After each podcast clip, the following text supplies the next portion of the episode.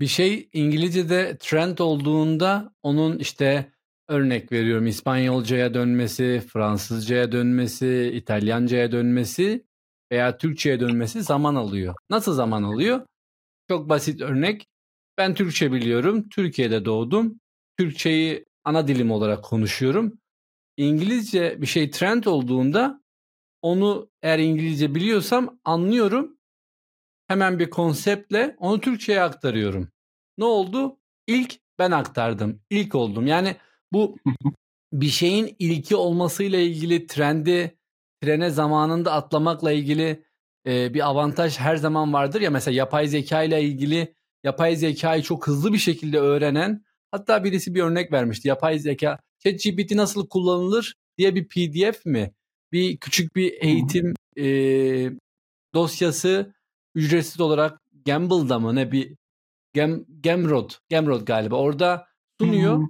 Oradan bayağı böyle bir ücretsiz sunuyor ama insanlar donate yapabiliyor.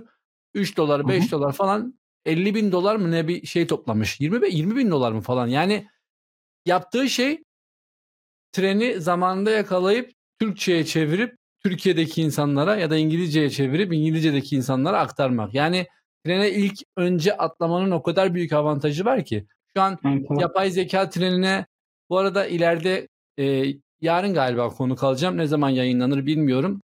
Yakup Öz kardeşler diye birisi var. Türk Almanya'da yaşıyor. Almanya'da doğmuş. Yapay zeka trenine çok zamanında atlayıp bu alanda e, sivrilmiş. Niş olarak seçmiş. Bu alanda sivrilmiş 2 yıldır falan. Ve çok harika işler yapıyor. LinkedIn üzerinden tanıştık. Yarın muhtemelen onunla kaydımız yapılacak. E, zamanında trene atladı nereden belli? Şirketlere gidip yapay zeka ile alakalı eğitimler veriyor. Şirket çalışanlarını yapay zeka konusunda, yapay zeka tool'larının nasıl kullanılacağı konusunda bilgilendiriyor. Yani trene zamanında atlamasının çok büyük avantajı ne? Şu an yapay zeka alanında bilir kişi. O yüzden öğrenmedim, trene zamanında atlamadım dünyanın sonu mu? Değil tabii ki.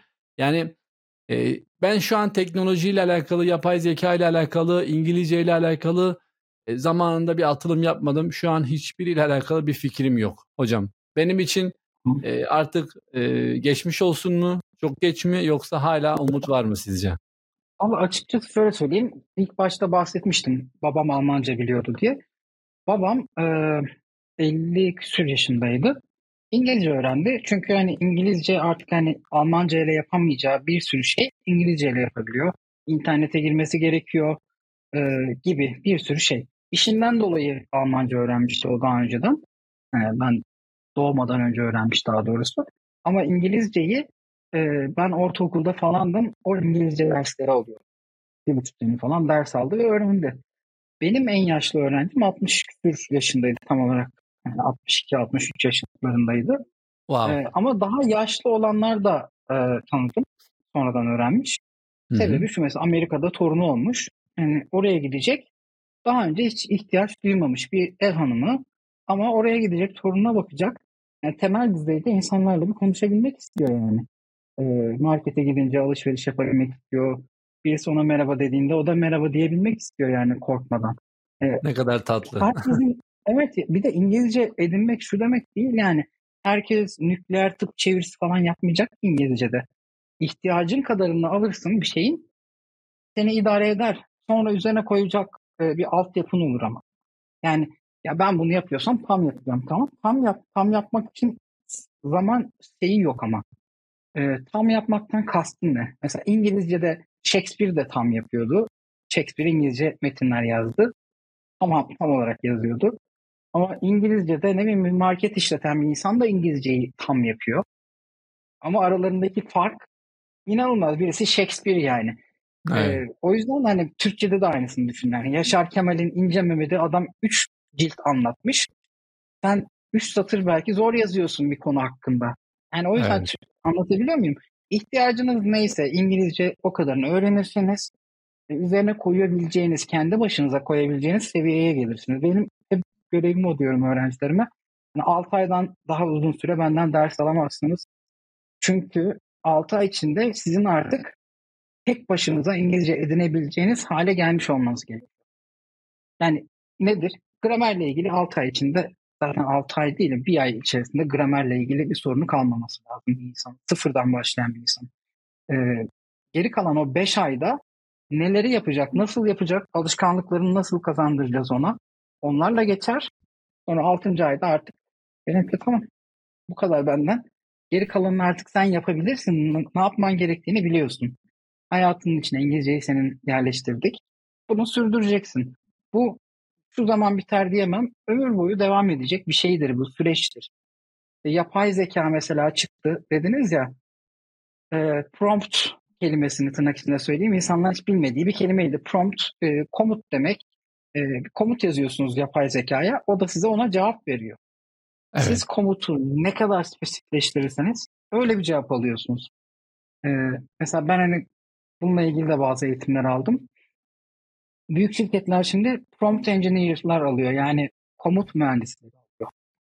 E, o şirket adına o şirkette çalışan birisiymiş gibi şirket kültürünü yapay zekaya öğretiyorlar. Böyle bir durumda nasıl bir cevap vermesi gerektiğini. O da ona göre cevap üretiyor. Ya da ben mesela bir şey soracaksam yapay zekaya diyorum ki ben sosyal medyada yayın yapan bir İngilizce uzmanıyım. Benim e, izleyici, izleyicilerim ya da takipçilerim şu yaş grubu arasındaki insanlar. E, profesyonel İngilizce öğrenmek istemiyorlar. E, eğlenceli bir şekilde günlük konuşabilecekleri İngilizce kaynaklarına erişmek istiyorlar. Diye öncelikle bunu anlatıyorum. Beni daha iyi tanımak istiyorsan bana soru sorabilirsin diyorum. Ondan sonra bunu hep İngilizce tabii ilerletiyoruz. Sorduk, sorduğu sorulardan sonra ancak benim istediğim gibi bir cevap üretebiliyor. Yani oraya direkt bir şey yazıp basitçe enter'a bastığınızda size doğru sonuçlar vermiyor yani. Biraz neyi yani, nasıl aradığımız aslında dediğiniz gibi önemli. Bu arada evet. yani prompt mühendisliği denilen bir meslek çıktı ortaya. Yani prompter, e, prompt engineer diyorlar galiba. E, böyle bir meslek çıktı.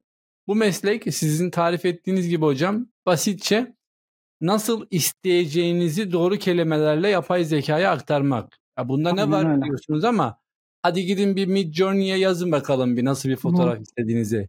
Doğru şekilde yazmazsanız size nasıl sonuçlar veriyor? Çöp adam, çöp adam veriyor yani o zaman evet. Yani bana şöyle bir adam çiz diyorsun. Bir bakıyorsun ya benim hayalimdeki bu değildi. Yani yapay evet. zeka ve işte Mid Journey ya da başka şeyler sizden aldığı komut neyse ona göre bir cevap verecek. Yani evet. siz ona diyorsanız ki bana arkası e, beyaz fon olan bir adam çiz diyorsan bu adam her şey olabilir. Bir Asyalı olabilir, Türk olabilir, sarışın, kel, uzun boylu, kısa boylu her şey olabilir yani. Ne kadar netleştirirseniz o kadar iyi bir sonuç veriyor. E burada da işte İngilizce eğer iyi biliyorsanız bu promptları nasıl yazmanız gerektiği ilk başta hep İngilizce olarak çıkıyor. Ve evet. asıl olarak Mid Journey'de falan hepsi de İngilizce sonuç üretiyorlar zaten. O yüzden de yani İngilizce prompttan sonuç üretiyorlar. E, o yüzden de hani e, dünyayı yakalayabilmek için İngilizce biliyor olmanız lazım.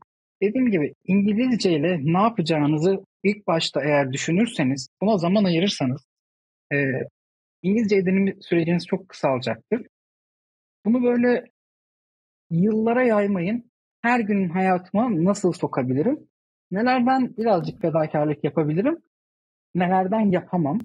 Onları belirleyin. Kendi hayatınızda ben sabahları atıyorum kahvaltı sırasında hep e, haberleri izliyorum. Haberler izlemek yerine 15 dakika bunu izleyebilirim ya da öğle yemeğinde gibi. Yapabileceğiniz fedakarlıkların listesini bir çıkarın. Ondan sonra oralara İngilizce ile ilgili bir şeyler yerleştirelim. E, benim paylaştığım hem sosyal medyada hem Substack'te e, paylaştığım e, haftalık planlayıcılarım var, günlük planlayıcılarım var, checklistim var. Yani İngilizce ile ilgili her gün yapmanız gereken haftalık bir listem var. Onu nasıl Hı-hı. yapacağınızı da anlatıyorum aşağısında. Onu indirip buzdolabına yapıştırıyor öğrencilerim.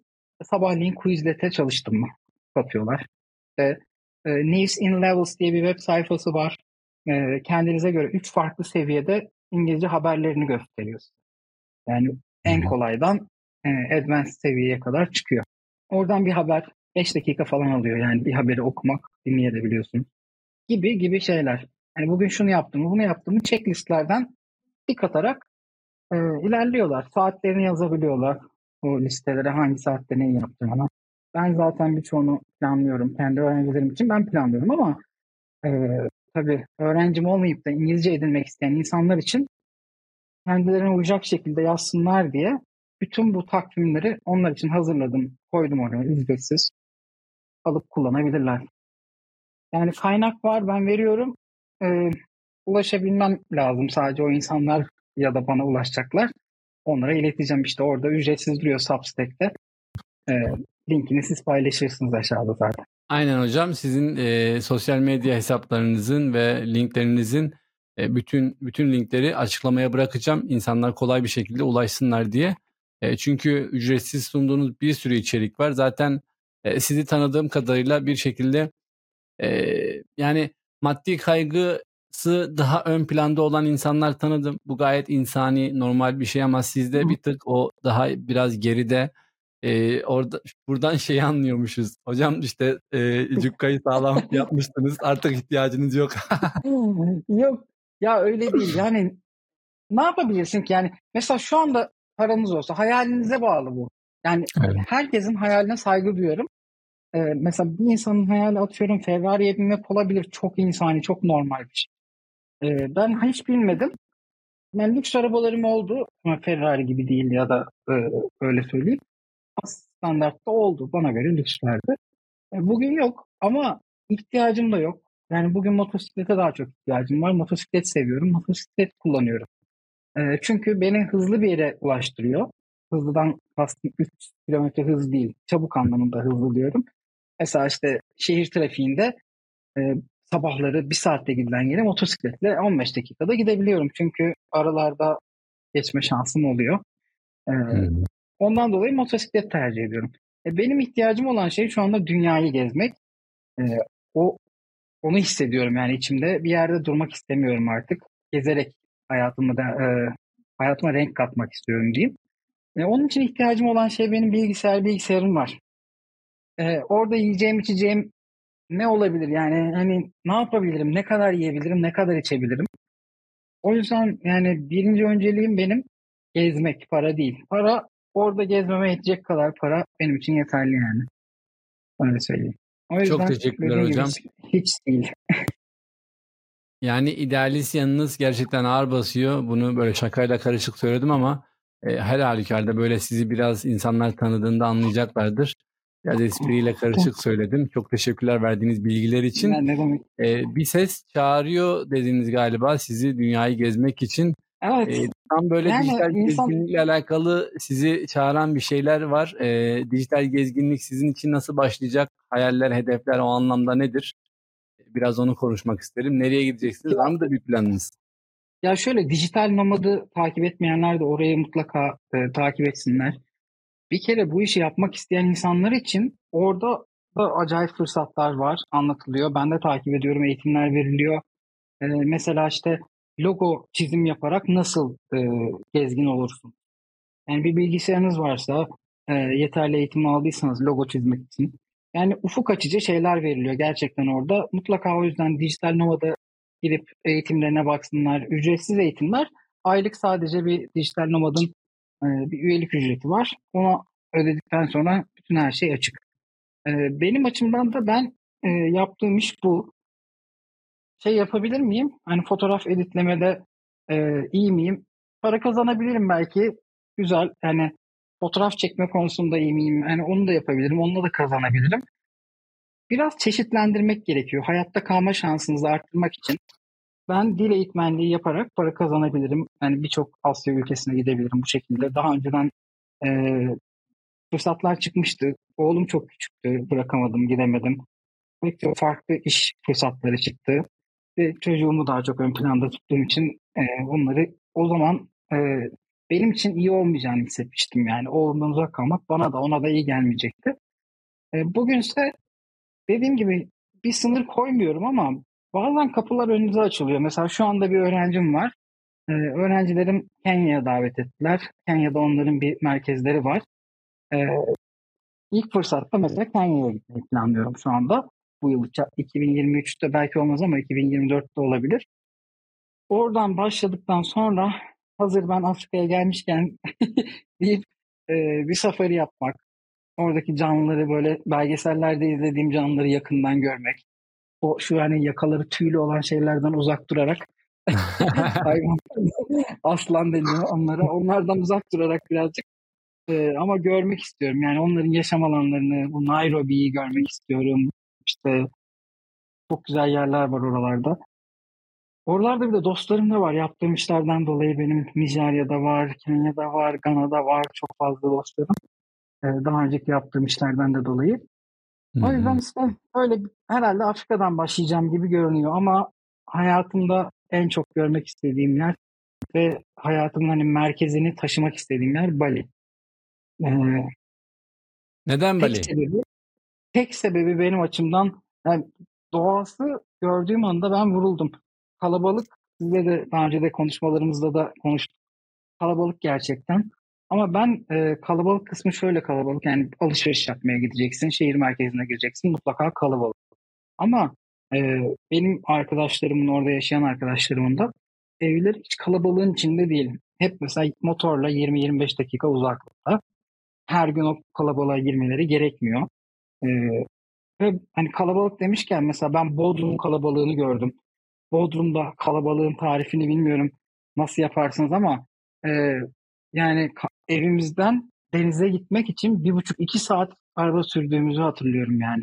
Bundan iki üç sene önce. Yani burası Türkiye, Bodrum. Gerçekten Türkiye'den daha kalabalık, daha fazla trafiği olan bir yer var mı bilmiyorum yani ülkede, yani dünyada. Bali. Burada gerçekten, ha, Bali, umarım değildir. ya Bali'de motor kullanıyorlar, herkes de motor kullanıyor daha çok zaten. Ha, orada evet. da belki hani bir saat, bir buçuk saat e, alışveriş yapmaya sürer mi bilmiyorum. Bana anlattıkları kadarıyla yemliyor olabilirler benim gitmem için ama bana anlattıkları kadarıyla hani 20-25 dakikada, yarım saatte falan gidebiliyorlar. Ee, bir de hani alışveriş yapmaya gittikten sonra sadece ya da deniz kenarına gittikten sonra deniz kenarı mesela e, çok kalabalık olmuyor benim gördüğüm kadarıyla. Yani bazen canlı konuşuyoruz. Sahilden arıyorlar beni. FaceTime'dan ya da e, fotoğraf gönderiyorlar falan. Yani sahil böyle aşırı kalabalık değil onların gittiği yerler. E, ülke pahalı bir ülke değil. E, pahalı olmaması şu açıdan iyi. E, daha az şeye ihtiyacınız oluyor demektir. Yani yaşadığınız yer çok pahalı ise çok fazla şeye ihtiyacınız yok. Çok fazla ihtiyacınız yoksa bir şeylere de bağımlılığınız azalıyor tabii ki. Evet. O yüzden yani pahalı olmayan bir yer bir. Doğal güzelliği, daha doğrusu doğal güzelliği bir de koymalıyım herhalde. Ee, o bir. İkincisi doğal güzelliğin yanında yerli halk. Yerli halkın bazı adetleri var orada. Ee, mesela her evin bir kendine ait tapınağı olmak zorundaymış. Duyduğum kadarıyla, öğrendiğim kadarıyla. Minik de olsa kendine ait bir tapınağı var ve e, hani Budizm şeklinde yaşıyorlar genellikle de. E, Neresi hocam? Yüzler, Bali. Okey. Endonezya şey olarak Müslüman Müslüman ee, ama... ama Endonezya'da binlerce adadan oluşan bir ülke olduğu için evet, binlerce evet. minik minik ada var. Bali'deki halk, yerel halk daha çok hani Budizm e, böyle minik tapınakları var o yüzden her evin bahçesinde. Evet. E, Burada da bayağı var. bir şey zaten yok. Evet. Yani evet Tayland'da, evet. Da, Tayland'da da her evin bahçesinde bir tane minik e, ibadet yeri var. Heykel gibi bir şey var diye biliyorum. Taksiye bindiğimizde selamünaleyküm diye giriyorum içeriye. Bazıları aleyküm selam diyor. Yani Burada Budizm olmasına rağmen çok Müslüman var. Yani çok böyle yakın olduğu için birbirine e, dinler arası böyle çok e, karışım, mükemmel bir karışım var. O yüzden orada da mutlaka ya, vardı. Dün de sosyal medyada paylaştım biliyorsunuz hani şu ara Orta Doğu yine çok karışık, karman forman savaşlar, ve insanların canları gidiyor. Evet. Anlatmak istemiyorum ama Mina Urgan'ın dün bir e, sözünü paylaştım ben sosyal medyada hesabından. Ee, birbirimizden nefret edecek kadar dindarız. Birbirimizi sevecek kadar dindar değiliz. Yani maalesef, maalesef. yani dindarlıksa eğer dindarlığın birinci kuralı herhalde insanları sevmek olmalı. Ee, sadece insanları değil, yaşadığın her yeri, doğayı, hayvanları, yani bahçendeki ağacı, ona karşı bile sorumluluğun var. O ağacı oraya sen diktiysen eğer sorumlusun ondan yani suyundan da sorumlusun. Hastalanırsa ilaçlamakla yükümlüsün. Yani evet. böyle bakarsan ve işte Bali'deki insanların biraz bakış açısını böyle hani daha pasifist, böyle barışçıl, e, insanların birbirine saygılı olduğu yönünde çok fazla duyum aldım. Yani izlediğim şey, farklı kaynaklardan da hep bunları dinledim. O yüzden Bali, mesela Hindistan'da Auroville var. Ee, belki duymuşsunuzdur. Auroville'de e, insanların herhangi bir mülke sahip olamayacağı, hani mülkiyetsiz dedikleri bir alan galiba. Bir komün hayatı yaşıyorlar orada da. Ee, orası da mesela çok ilgimi çekiyor. Görmek istiyorum orayı da. Ee, bilmiyorum belki oraya da gitme fırsatım olur. Hindistan çok cazip gelmiyor sadece bana. Hani kalabalıktan bahsetmişken. Evet. E, o açıdan kalabalık, hijyen e, falan. Evet. Bali'de de ama Bali Beli diye bir şey var. Belly mide demek. Hani evet. Bali'de su içtikten sonra insanların midesinin bozulmasıyla ilgili ve bir haftaya kadar sürüyormuş bu. Herkes Çeşme suyuyla ilgili bir problem hocam Herhalde. o. Çeşme suyuyla yani ilgili bir problem. Ama meyveyi yıkıyorsun, dişini fırçalıyorsun, yani duşa giriyorsun, ağzına su kaçıyor. Evet. Yani uzak durmak çok mümkün olmayabilir demin ama onu göze alacağız. Yapacak bir şey yok. Probiyotiklerimizi yanımıza alıp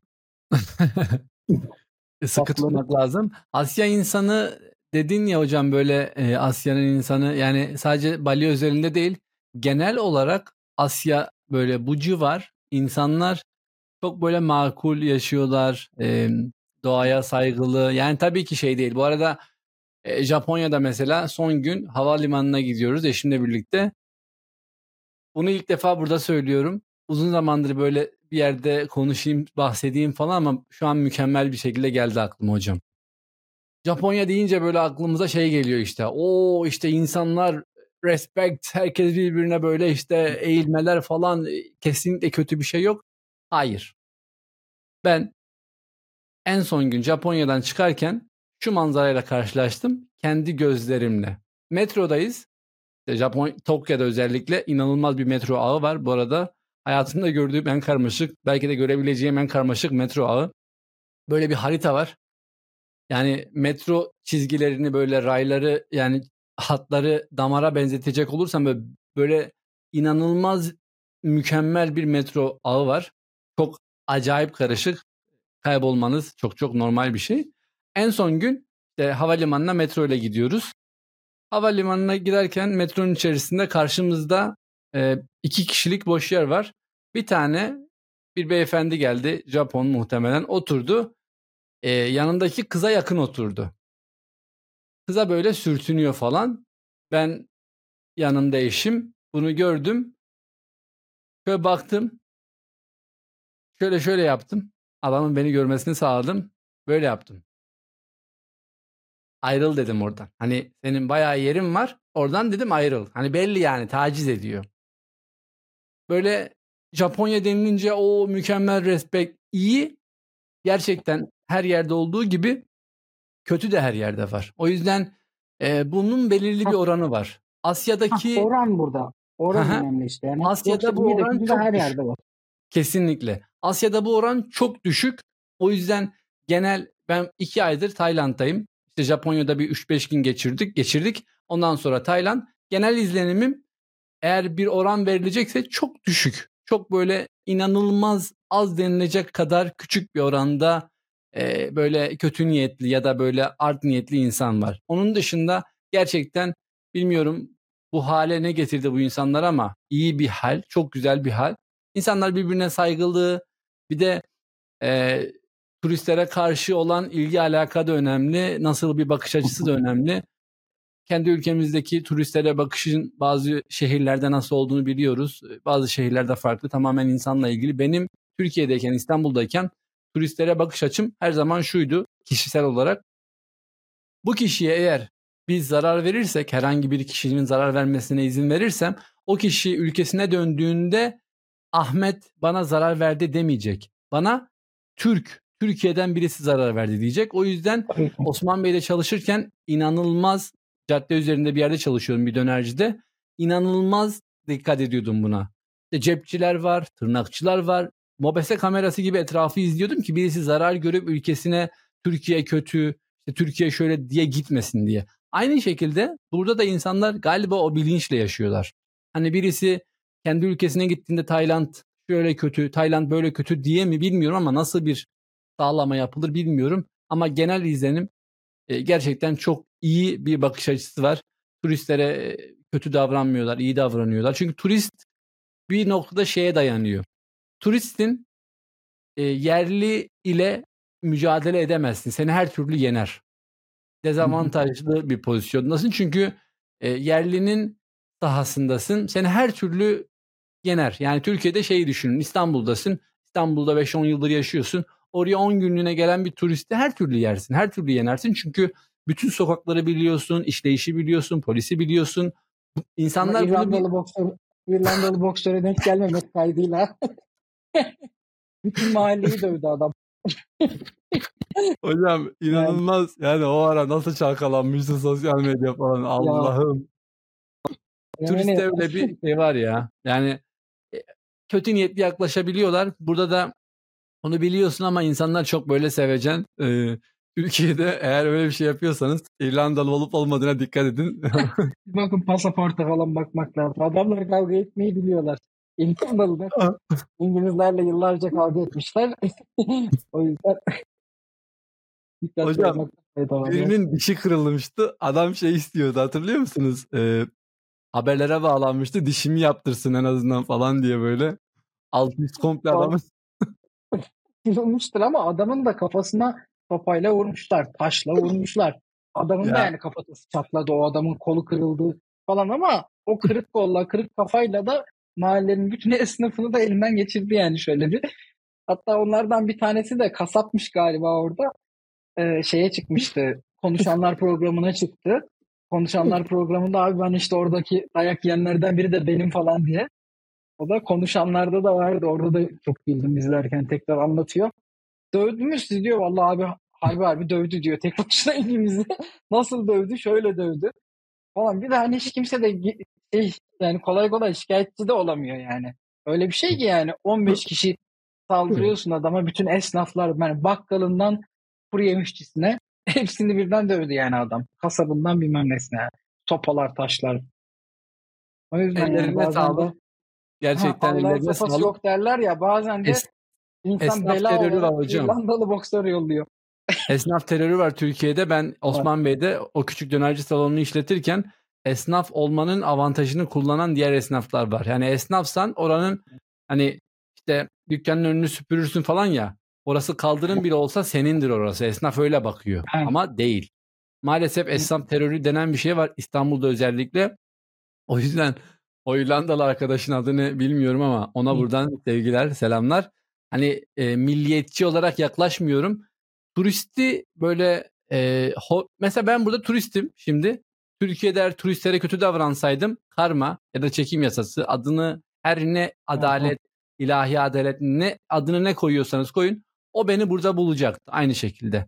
Ben öyle davranmadığım için içim o kadar huzurla dolu ki rahatım. O yüzden beni de aynısı bulacak. O yüzden buradan Türklere sesleniyoruz. Türkiye'de yaşanan insanlara sesleniyoruz. Turistlere kötü davranmayın. Yarın bir gün siz de turist olursanız vallahi da billaha aynısını yaşayacaksınız. O yüzden Aynen yani bulur. Karma kesinlikle buluyor sizi. Kötü davranmayın. Elinizden geldiğince metroda gidiyorsanız bir turist gördünüz ne yapacağını bilmiyor. Vallahi var ya Tokyo'da metro istasyonunda böyle şabadanarak kaldık. Yani işte bir yere okuyoruz işte bir şey yapıyoruz falan insanlara soruyoruz. Öyle yardımcı oluyorlar. Mesela akbili olmayan bir turist gördünüz gel bas. Yani şu an gerçi onu yapmak yürek ister. 8-9 lira olmuştur. Eskiden 3 lirayken basıyordum Akbil ben. mi 8-9 lira? Akbil şu an 15 mi 17 lira öyle bir şey olması lazım. Hocam ben Haziran'dan sonrasını hatırlamıyorum. Ben son Haziran Ben günü Ankara'da yaşıyorum ben. Ankara'da 15 lira bir şey e, tek iniş yani. Hadi ya. İstanbul'da da en az 15 lira da 17, 16, 17 olabilir bilmiyorum. İzleyenler yorum olarak aşağı yazarlarsa herkes öğrenmiş olur. Ben Evet. İstanbul'da Şu an. Dolar kaç ve akbil ücreti kaç? Bugün Dolar 28 küsürdü. 28 10 falan gibi bir şeydi en son dün. Bugün Hadi bakmadım ya. ama. Ben 26'dan sonrasını bıraktım. Çünkü 26'ya kadar ilgim vardı e, Türkiye ve o ekonomiye. Ondan sonra tabii yine bağlıyım ama çok da şey e, bağlantım kalmadı. Hocam podcast'in klasiği bir sorumuz var. Size o soruyu yönelteceğim. Sizin sorunuz, tamam. sizin cevabınızı merak ediyorum. Podcast'in klasiği tamam. haline geldi.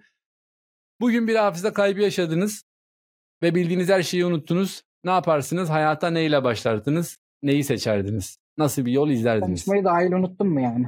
Konuşmayı da mı bilmiyorum her şeyden? Yok hocam o kadar şey yapmayacağım. Sizi taş devrine... Bildiğim dinler, bildiğim dinler varsa yani Türkçe İngilizceyi biliyorsam gerisini bir şekilde tamamlarım ya. İngilizceyi bilmiyorsunuz hocam. Türkçe biliyorsunuz.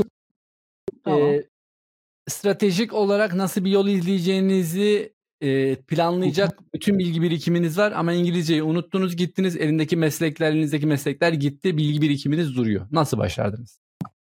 Yani birinci olarak eğer kendimi sadece tanıyorsam zevk almayı yani nelerden zevk aldığımı düşünüp onunla ilgili bir şeyler öğrenmeye çalışırdım. Hı hı. Türkiye'de çünkü genellikle yapılan bir hata şu oluyor. Ee, ya Avrupa'da bir tek bizde var bu bu arada. Mesela bir öğrencinin matematiği zayıf da e, Türkçesi çok iyi ve acayip kompozisyonlar yazıyor falan böyle şiir yazıyor ya. Biz Türkiye'de şöyle yapıyoruz. Yani Türkçesi zaten iyi. Biz buna matematikten ders aldıralım diyorlar.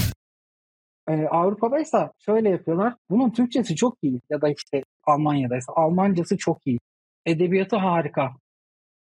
Edebiyata odaklanalım. Bir yazardan ders aldıralım buna diyorlar. Ben de o yüzden evet. kendim için onu yapardım. Neyim iyiyse onu geliştirmek için. Yani her şeyimi vasatta, ortalamada oluşturmaya çalışmazdım. İyi olduğum ve yapmaktan zevk aldığım şeyi keşfetmeye çalışır hemen. Çünkü her şeyi unuttuysam eğer. Ondan sonra onu geliştirmek için bütün varımı yoğumu ona harcardım. Yani ben bunu yapmaktan zevk alıyorum. Onu daha iyi nasıl yapabilirim? Daha iyi nasıl öğrenebilirim? Direkt bütün emeğimi ona harcardım ilk başta. Ondan sonra da dallandırırdım onu yani. Ee, hobi olarak başka şeyler eklerdim ona e, zaman geçirmek için. Şu anki aklım varsa da o zaman da yine de benim için hayatta en önemli şey hani hiç bitmeyen şey bir şey öğrenmek. Ee, küçük herhalde şeyden kaynaklanıyor da yaşla alakalı. Bizim bilgiye erişimimiz çok kısıtlıydı. Ancak mesela bir ana Britanikalar kupon bir, biriktirilirdi gazeteden. Ansiklopedi setleri falan alınırdı yani. Oradan 1985'te alınmış ansiklopedi 95'te 10 yıl sonra kullanırdık. Bilgiler evet. de hızlı değişmezdi. Şimdi bugün birisi bir şey söylüyor. Yarın onu birisi çürütüyor. Öbür gün çürüteni başkası çürütüyor falan. Sürekli değişiyor yani bir şeyler. Ee, şu anda o yüzden bilginin hamalı olmadan yani bilgiyi ezberlemek değil. Bilgi sınırsız ama o bilgiyle yaratıcı bir şekilde hayatına yön verebilecek insanlar lazım. Yani geleceğin e, şeyi bu. Yani birisine bilgiyi vereyim, o bana geri versin. İyi geri veriyorsa ona yüz vereyim. Bana o bilgiyi iyi geri verim, veremiyorsa düşük not vereyim değil artık. Yani bu eğitim sisteminden de kurtulmamız lazım. Ee, o bilgiyle ne yapacaksın? Yani bence sınavlar böyle olmalı. Bir şey söyleyeceğim. Az önce turizmden falan da konuştuk. Onunla da bağlayacağım bunu. Ee, geçen sene ben İstanbul'da bir üniversitenin sürekli eğitim merkezinin tüm yöneticilerine ders verdim. Çalışanlar falan da vardı. Ee, şunu gördüm. Ben hep şunu sorarım derse başlamadan önce. Ee, ilk sorum hazırlıksız sorarım ki doğal cevabını alayım diye. Neden İngilizce öğrenmek istiyorsunuz diye hemen sorarım. İlk aklına gelen bir şey genellikle en doğal şeydir onun. Bazıları işte e, maaş artışı için der. Bazıları terfi almak istiyorum işte müdür olmak istiyorum falan der. O kadar çok insandan o İstanbul'da mesela şeyi duydum ki Üsküdar'daydı orası yeri.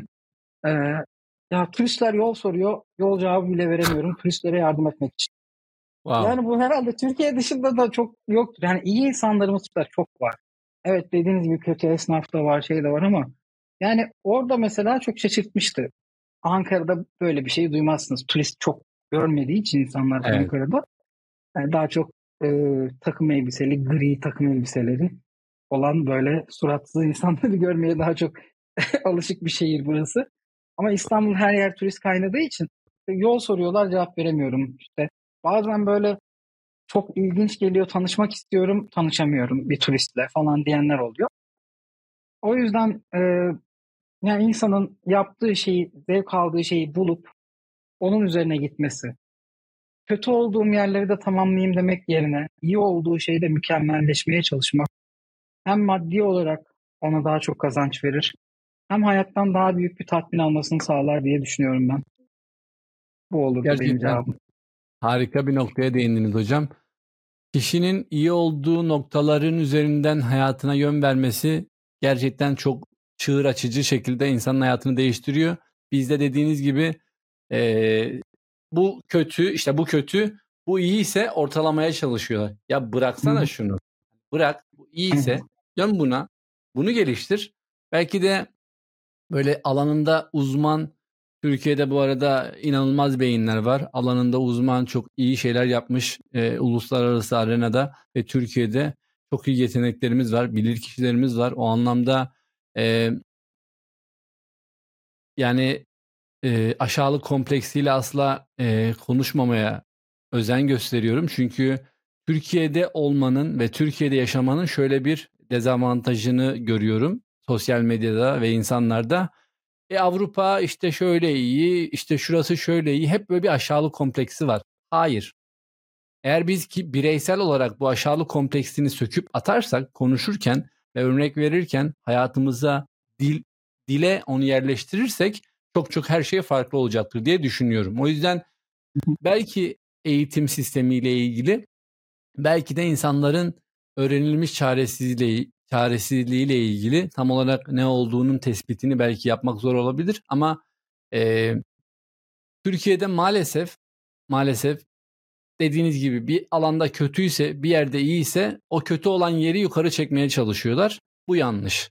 Çok büyük bir yanlış dediğiniz gibi. En azından diğer tarafa odaklanın. Yani e, iyi olduğu noktayı daha iyi yapıp o alanda sivrilmesini sağlayın ve öyle destek olun ama maalesef yani bu kaydı bu arada e, anne babalar da dinleyecek. Ablalar, kardeşler, abiler herkes dinleyecek. Her kesimden insan dinleyecek. Etrafınızdaki insanların hayatlarına belki bu şekilde dokunabilirsiniz.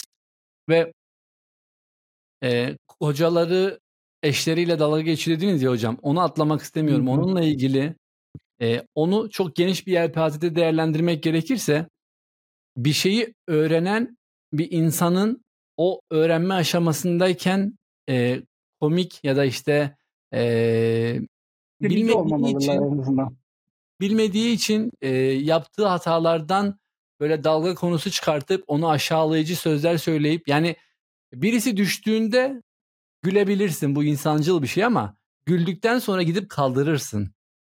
Bir şeyle dalga geçtikten sonra arkasını getirmezsen o maalesef iyilik olmuyor, kötülük oluyor. Mesela ben İngilizce bir kelimeyi telaffuz ederken benimle dalga geçtikten sonra bana onun doğrusunu söylemezsen veya bana hemen destek olmazsan ya tamam hani e, böyle ama bak doğrusu da böyle. O eşiyle dalga geçen kocalara söylüyorum. Kendileri iyi biliyorlar mı? Kendileri iyi biliyorlarsa dalga geçtikten sonra niye doğrusunu söylemiyorlar? Bence burada samimiyet önemli hocam. Bir şeyin yanlışını evet tamam gülebilirsin. Gülmeye ihtiyacımız var. Her gün belirli bir dakika oranda vallahi gülmemiz gerekiyor. Ben bunu eşimle birlikte yapıyorum. Diyorum ki yani günlük bir şeylere gülmemiz gerekiyor. Saçma sapan da olsa gülelim. Ama bu gülmek birimizi aşağı itip birimizi yukarı çekiyorsa, birimize zarar veriyorsa burada bir yanlışlık var demektir. Ben yani düştüğümde takım olduğunu bilmek lazım.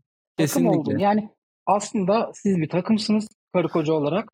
Bu hayatta birbirinizin bilgisini ne kadar arttırırsanız eğlenmek çok önemli. Tabii ki insan dediğiniz gibi düşünce güler e, ama kaldırır. Hatta tedaviye ihtiyacı varsa da yapar yani onu. E, bunu yapmak lazım dediğiniz gibi. Yani ona gülüp ya sen de bir türlü öğrenemedin demek var. Gülebilirsiniz, komik gelebilir o anda size.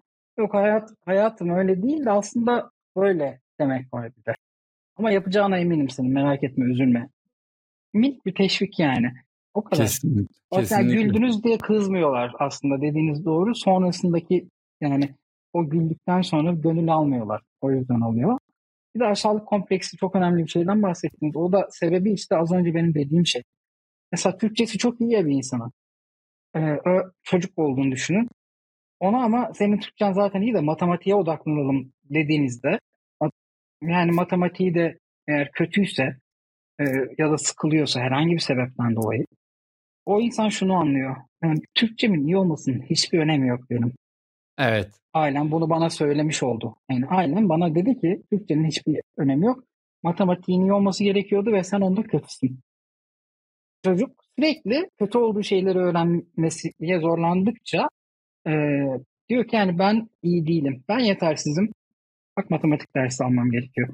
Ama Türkçe de e, ders alsaydı eğer mesela bir yazarla tanıştırılsaydı, yazarın yazarlık atölyesine gitmesi sağlansaydı şöyle diyecek. Benim Türkçem çok iyi. Ben de bunun gibi olabilirim. Yani bakış açısının neyi nasıl değiştirdiğine bakın. Yani Türkçem çok iyi, daha iyi olabilirim ama. Böyle bir teşvikle çok iyi bir yazar çıkar işte. Ama e, matematiğe git de e, hem kötü iyi bir yazar kaybetmiş oluyorsunuz hem de bir insanın kendine olan güvenini kaybettiği için matematiğe olan güvenini kaybediyor ama kişilik olarak da zedelenmiş oluyor aynı zamanda. İşte bu da dediğiniz gibi aşağılık kompleksine neden oluyor. Bakış açımız o yüzden aileler şuna bakıyor. Ya benim e, kızım tıp okusun, doktor olsun. Bunun için de doktor olmak için matematiğe ihtiyacı var. Türkçesinin iyi olmasının hiçbir faydası yok bana diyor mesela. Evet. O öyle düşünüyor olabilir. Tabii ki var ama öyle düşünüyor olabilir. O yüzden de kendi hayalinde, kendi gerçekleştiremediği hayali neyse çocukları üzerinden onu yaşıyor birçok insan. Yapmayın. Yani bundan büyük bir kötülük yok çocuklarınıza yapabileceğiniz yani. Kendi hayallerinizi yapabiliyorsanız kendiniz yapın. Birçok veliyle ben şunun tartışmasını yaptım mesela işte daha önce daha küçük öğrencilere de ders verirken. İşte, hocam e, şu Anadolu Lisesi'ni kazandı. E, çok iyi diyorum, çok iyi puan almış falan diyorum. Hocam nesi iyi puan şu diyor. Şu Anadolu Lisesi'ni kazandı. A, pardon siz hangi Anadolu Lisesi'nden mezunsunuz diyorum. Vallahi hocam biz zamanımızda kurs yoktu. Biz gidemedik. Kazanamadık o yüzden. Endüstri meslekten mezun. Ya yapmayın o zaman diyorum ya. Bu çocuk yani bayağı iyi puan almış. Fen lisesini kazanamamış. Siz fen lisesi hayali kuruyordunuz. Ya yapmayın ya.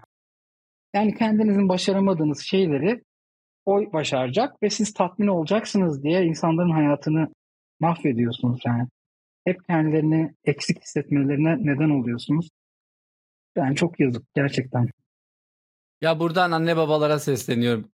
Gerçekten çok fena gaza geldim. Anne babalar. boksörü gönderiyorum. Alo anne babalar. Sen komşuna hava atacaksın diye, sen akrabana, eltine, görümcene hava atacaksın diye, benim oğlum şunu kazandı, benim kızım bunu kazandı diye hava atacaksın diye çocuğunun hayatını zehir etmeye hakkın yok. Çocuğun avukat olmak istemiyor.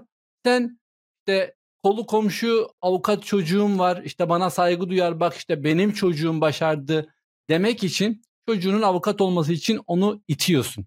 Ve mutsuz bir avukat çıkartıyorsun ortaya. Çocuğun doktor olmak istemiyor. Köydeki ya da işte şehirdeki komşuna ona bunu hava atmak için benim oğlum doktor diyebilmek için çocuğunun hayatını zehir ediyorsun. Ya lütfen 2023'teyiz. Gerçekten içinde bulunduğumuz yüzyıl artık bunları kaldırmıyor. Eğer bunu dinleyen bir anne babaysanız lütfen ama lütfen çocuklarınızı rahat bırakın. Yani çocuğunuz sizin mülkünüz değil. Çocuğunuz sizin tapulu malınız değil. Belirli bir yaştan sonra kendi özgürlüklerini ellerine alacaklar, sizden ayrılacaklar. Çocuğu bu kadar sahiplenmeyi bırakın artık. Gerçekten dolduğum bir konu. Ee, böyle yurt dışındaki kültürleri göre göre insanlarla konuşa konuşa şunları fark ediyorum hocam. Ee, aile işte yani çocuğu bir mal olarak görüp işte ancak evlendiğinde gidersin. Başka da gidem. Aa pardon? Pardon? Nasıl yani? Sadece evlenirse. Mühendislik yapıyorlar. Yani mühendislik yapıyorlar. Çocuk mühendisliği kendilerince. Böyle oldu. Çocuk Bana birey olamıyor. Yani sorun çıkarmayacak. Çocuk dediğin sorun çıkar. Öyle bakılıyor yani. Biz çocukken evde ses yapmazdık. Bunlar niye ses yapıyor diyor mesela yani. Ya biz çocukken mesela benim babam 1940 yılından 80 yılına kadar Aynı teknolojiyle büyümüş ya 40 sene. Ben 43 yaşındayım. Doğduğum gün e, radyoların içerisinde insan falan var zannediyorduk biz çocukken ya. Yani cüceler mi vardı bunların? Ses çıkıyor şarkı söylüyor diyorduk. Yani e, şimdi biz mi almışız yani affedersiniz ama eğer şeyse e, kıyaslama yapacaksak çocukları böyle beğenmiyorlar falan ya yeni kuşak şöyle. Bunu da beğenmiyor, bunu da istemiyor. Affedersiniz de yani televizyonun içinde küçük insanlar var zannediyordunuz siz. Ya. Adamlar şimdi o çocuklar yani e, 7 yaşında ne bileyim iPad'de Procreate ile bir çizimler yapıyorlar. Ve ağzınız açık kalır yani. E, çok şeyler, çok ileriler. Tek sorun şu. Teknolojimiz gelişti. Dünyada kullanılan teknoloji gelişti. E, bugün 2023 yılını yaşıyoruz. Ama öğretmenlerin mesela mezuniyet yılları ortalamasına bakılırsa devlette özellikle e, çoğunluğu ve 2000 yılı mezunları falan yani diyebilirim. 2000-2005 o civarda. Yani teknolojiyle eğitim almış çağın hocaları değiller. Eğer de dediğiniz gibi ilk başta da maaş olarak, e, ekipman olarak, donanım olarak bunlar güncellenmiyorsa o eğitmenler e, 1990'ların teknolojisiyle eğitim veriyorlar şimdi. Ya da mantalitesiyle eğitim veriyorlar. Ama bugünün ihtiyacı bu değil. Konuşmamda bahsettim. Çocukların yapacağı işlerin daha yarısı mevcut değil yani bundan 10 yıl 15 yıl önce doğmuş çocuklar. O yüzden daha ne iş yapacakları daha icat olmamış işler var yani. Belki onlardan birini yapacak. Bugün en büyük beceri esneklik kazandırmak çocuğa. Yani bir şey yapacaksanız eğer her şeyi öğrenebilecek mantalitede olmasını sağlayın. Yani benim çocuğum neyi nasıl öğreneceğini bilir. Buna güvenin. Ondan sonra gerisini o yapar zaten. Yani neyi öğrenmeli, nasıl öğrenmeli, kendisini nasıl tanımalı, yani ne zaman tanıyacak kendisini, bununla ilgili çalışın. Yani kendisini tanımasını, nelerden zevk aldığını düşünmesini sağlayın. Felsefe düşünsün. Yani bu, bazı şeyler hayatta oluyor. Niye oluyor onları düşünsün. Yani eleştirel düşünme dediğimiz şey bu. Olan şeyler niye oluyor? Niye öyle olmak zorunda da başka türlü olmak zorunda değil. Bunların çözümlerini bulursa bu çocuk kendi hayatıyla ilgili zaten her türlü çözüm bulur. İtalya'da da bulur, Endonezya'da da bulur. Yeter ki hani e, eleştirel düşünceyi bilsin, e, nasıl kendini geliştire, geliştirebileceğini, çağa nasıl ayak uydurabileceğini bilsin. Yeterli yani. O kadar. Kesinlikle hocam. Yani bir meslek edinmek gerçekten sanıldığı kadar zor değil. Bugün bu teknoloji günümüzde meslek edinmek isteyen bir kişi o mesleğe başlamak için yeterli seviyeye gelmesi 500 saat. 1000 saatte o işi düzgün yapabilecek kapasiteye geliyor. Ama 300-500 saat demek yani 2 ayda günlük 3-5 saatte yapılabilecek bir şey bu. Ya bir çalıştığında o mesleği yapmaya başlıyor hale çok basit bir şekilde gelebilir. O yüzden dediğiniz gibi çocuğa bir mesleği empoze edip bunu yap bunu yap demek yerine gelecekte bu teknoloji günümüzde gelecekte herhangi bir durumda doğru mesleği ya da doğru işi nasıl seçebilir ya da dijital yeteneklerini geliştirip nasıl o mesleğe doğru kendini itebilir? Bir, video montajlamak. İki, yani videoyu gerçekten işte Adobe ya da işte video montaj, short, long content videoları montajlamak her zaman para kazandıracak. Eğer bir şey yapmak istiyorsanız web tasarım, designerlık, Photoshop bunlar gerçekten dijital yetenekler ve bunları öğrenmek o kadar zor değil. Şu an herhangi bir iş, ne iş yapıyorsanız yapın 12 saat bile çalışıyor olsanız günlük yarım saat dijital bir yetenek geliştirmeye ayırdığınızda sizin hocam buna ne kadar büyük önem verdiğinizi bildiğim için özellikle bastıra bastıra söylüyorum. Günlük yarım saat bunu ayırdığınızda 3-5 ay sonra o ilgi duyduğunuz dijital yeteneği geliştirip internetten para kazanabileceksiniz. İnternetten para kazandığınızda şunu anlayacaksınız. İngilizcenin ne kadar önemli olduğunu anlayacaksınız. İşte o zaman da Serdar Hoca'nın sayfasına gidiyorsunuz. Aylık. Kendinizi geliştirme kısmında bile İngilizce yine çok önemli. Yani Kesinlikle. onu geliştirmek için o yarım saatlik şeyler için e, İngilizceniz varsa eğer erişebileceğiniz kaynaklar sınırsız oluyor. Tüm dünya açılıyor. Ücretsiz milyonlarca şeye ulaşabiliyorsunuz. Yani, Gerçekten çok büyük bir kütüphane var. Fakat onun dili İngilizce. Bu kütüphaneye erişmek için ya düşünün mahallenizde, evinizde bilgisayar, telefon olduğunu varsayarak söylüyorum. Bir kütüphane var. Sınırsız bir kütüphane. Buna erişmek için bir şifreye ihtiyacınız var. İngilizce. İngilizce biliyorsanız bu kütüphaneye erişebiliyorsunuz. Ha, Türkçe yazıp İngilizceye translate edip öyle aratabilirsiniz. Böyle de sonuç alabilirsiniz ama Yine de İngilizce öğrenmenin çok çok çok büyük önemi var. Hayatınızda her şeyi kolaylaştıracak. Hocam geldiğiniz için çok teşekkür ederim. Benim Ben için çok ederim. keyifli bir sohbet oldu. Umarım sizin için Benim de öyle için de öyle. olmuştur. Harikaydı. Ee, insanın kendisini anlatabilmesi çok büyük rahatlatıcı bir şey. Sanki böyle meditasyon yapmak gibi bir şey. Bu fırsatı verdiniz, kendimi anlatma fırsatını verdiniz siz de. Ben teşekkür ederim. Dijital Nomad da iyi ki var ki bizi buluşturdu. Ee, hepimizin ufku açılıyor bu sayede. Hepimiz birbir- birbirimizden bir şeyler öğreniyoruz. Ee, çok teşekkür ediyorum. Harikaydı benim için. Çok teşekkürler hocam. Dijital Nomad Türkiye'den bahsediyor hocam. Onun da linkini aşağıya bırakıyor olacağım. Ee, sevgiler hocam görüşmek üzere. Görüşmek üzere. Ee, podcast'in daha geniş kitlelere ulaşması için podcast'i takip edin. Bölümleri beğenip yorum yapın ve arkadaşlarınızla, komşunuzla, hocalarınızla, herkesle paylaşın lütfen. YouTube, TikTok, Instagram ve LinkedIn üzerinden beni takip edip soru sorabilirsiniz. Vakit buldukça hepsine dönüş yapıyor olacağım. Eğer sen de işini bilgisayar ekranına sığdırıp uzaktan çalışarak dijital göçebe olmak ile ilgili daha fazla bilgi edinmek istersen dijital göçebelerin buluşma noktası olan Dijital Nomad Türkiye topluluğuna göz atabilirsin. Görüşmek üzere. Daha fazlası için takip edin. Bu içerik ile ilgili düşüncelerinizi yorumlarda paylaşın. Yorumlarda görüşmek üzere.